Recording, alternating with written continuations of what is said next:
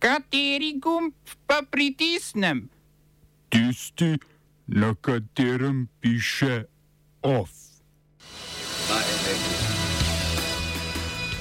Ukrajinska vojska z največjim napredkom na bojišču do sedaj. Desni obrat pri švedskem valčku. V Zagrebu protesti proti vladajoči HDZ. Luka Lukič, novi glavni inšpektor za delo.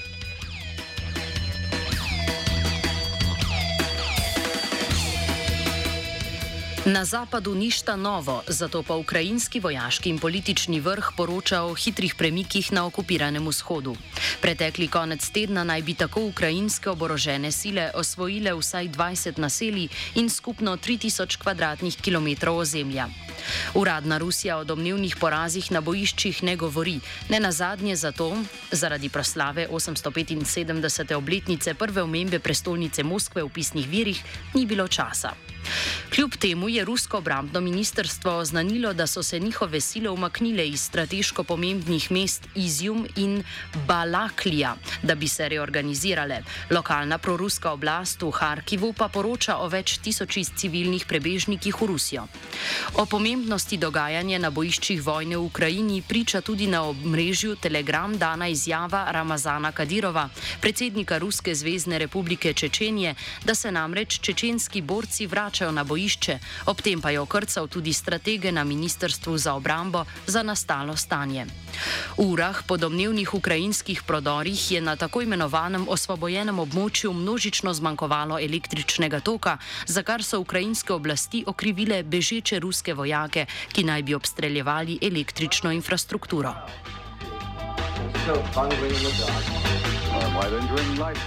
Ob porazih na mednarodnem polju specialne vojaške operacije, kot Rusija imenuje vojno v Ukrajini, pa je ruski predsednik Vladimir Putin svojo stranko Enotna Rusija, ki jo na papirju vodi Dimitrij Medvedjev, požel uspehe na regionalnih in občinskih volitvah.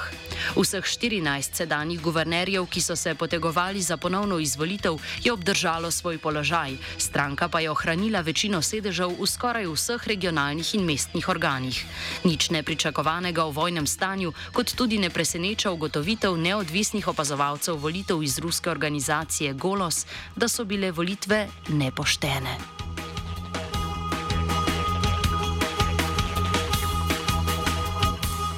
Desnica slavi tudi na drugem bregu Baltskega morja.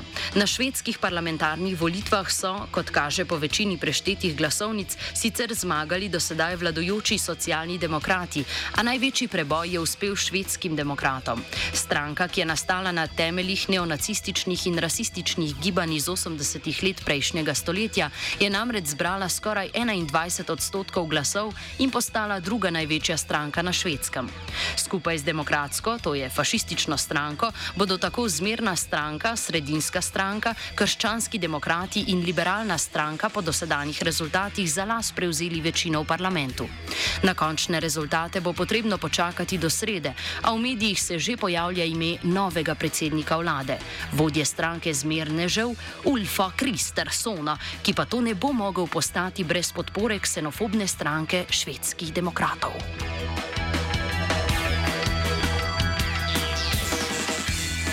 Smrt britanske kraljice Elizabete odmeva tudi v britanskih kolonijah, ki jih Združeno kraljestvo cinično imenuje članice Commonwealtha. Predsednik vlade Antigve in Barbuda je v medijskem nastopu zatrdil, da bo karibska članica Commonwealtha v prihodnjih treh letih izvedla plebiscit o vzpostavitvi republike.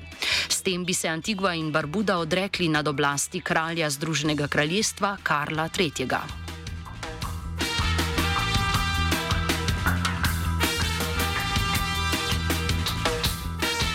Albanske oblasti so za drugi hekerski napad na vladna spletna omrežja v letošnjem poletju ponovno okrivile Islamsko republiko Iran. Tokrat so hekerji napadli policijsko računalniško omrežje, zato je albanska policija začasno ugasnila sisteme za računalniški nadzor v pristaniščih, na letališčih in mejnih prehodih. Iran vsakršno upletenost v aktualni ali julijski hekerski napad zanika, za poslabšanje diplomatskih odnosov med Iranom in Albanijo pa krivijo Združene države Amerike stranke, ki so bile prvi in največji podpornik prekinitve diplomatskih stikov, za katero se je albanski premijer Adi Edi Rama odločil pretekli teden. Odnosi med Iranom in Albanijo so bili sicer skrhani že pred letošnjim julijem, saj ima v Albaniji politično zatočišče ljudska mudžaheditska organizacija Irana, ki jo uradni Teheran smatra za teroristično organizacijo.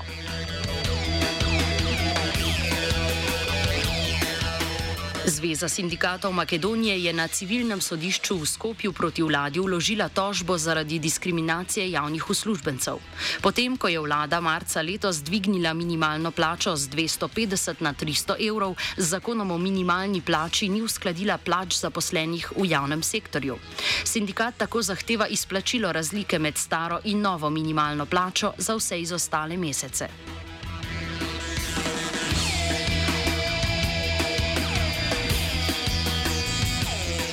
Pred sedežem vladajoče Hrvatske demokratske zajednice v Zagrebu se je več kot tisoč glava množica zbrala pod geslom Dajemo vam odkaz, kjer so protestniki zahtevali takojšen odstop predsednika vlade Andreja Plenkoviča in razpis predčasnih parlamentarnih volitev.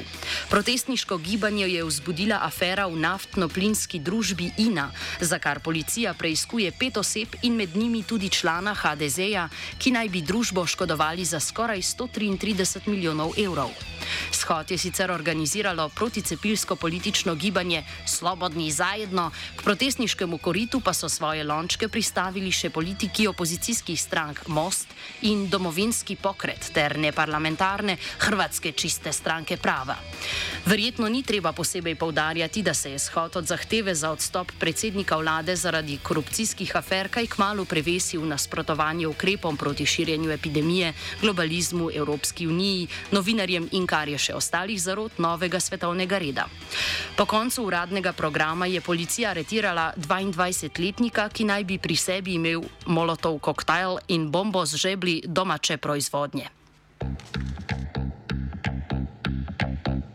Smo se osamosvojili, nismo se pa osvobodili.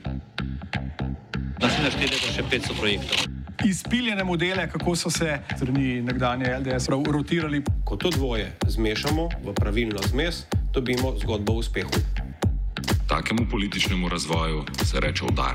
Jaz to vem, da je nezakonito, ampak kaj nam pa ostane? Brutalni obračun s politično korupcijo. To je Slovenija, tukaj je naša zemlja, to je Slovenija, Slovenija, Slovenija.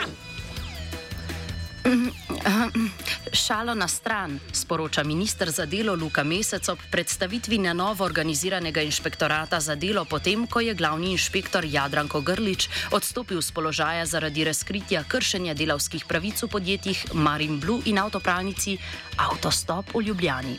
Inšpektorat bo po ministrovih besedah sedaj deloval bolj ciljno in manj v širino, torej se bo sredotočal na najbolj problematična podjetja in ne na vsa podjetja naenkrat.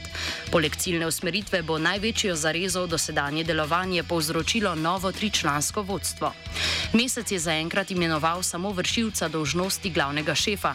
To bo nekdani novinar in predsednik sindikata novinarjev, dosedani sodelavec delavske svetovalnice in še predtem stik z javnostjo na Nacionalnem inštitutu za javno zdravje Luka Lukič. Ostala dva šefa pa bomo spoznali v prihodnosti. Vprašali smo Luko Lukiča po njegovih načrtih. Jaz bom funkcijo VD prevzel z naslednjim podelkom. Um, prva poteza bo čisto informiranje o dejanskem stanju, se pravi, da se ljudje sestanemo, vidimo, kje smo in kaj uh, lahko in kaj moramo izboljšati. Um, tako da to računam, da bo jo, kar nekaj prvi tedni bo predvsem temu posvečeni, nekakšno trenutno stanje, uh, glede na to, da je inšpektorat kadrovsko podhranjen. Uh, vemo, da je zadev uh, velik uh, in potem od tu naprej, kako, kako se organizirati za v danih uh, kadrovskih pogojih, um, se realizira ambiciozni načrti. OF je pripravil Virant.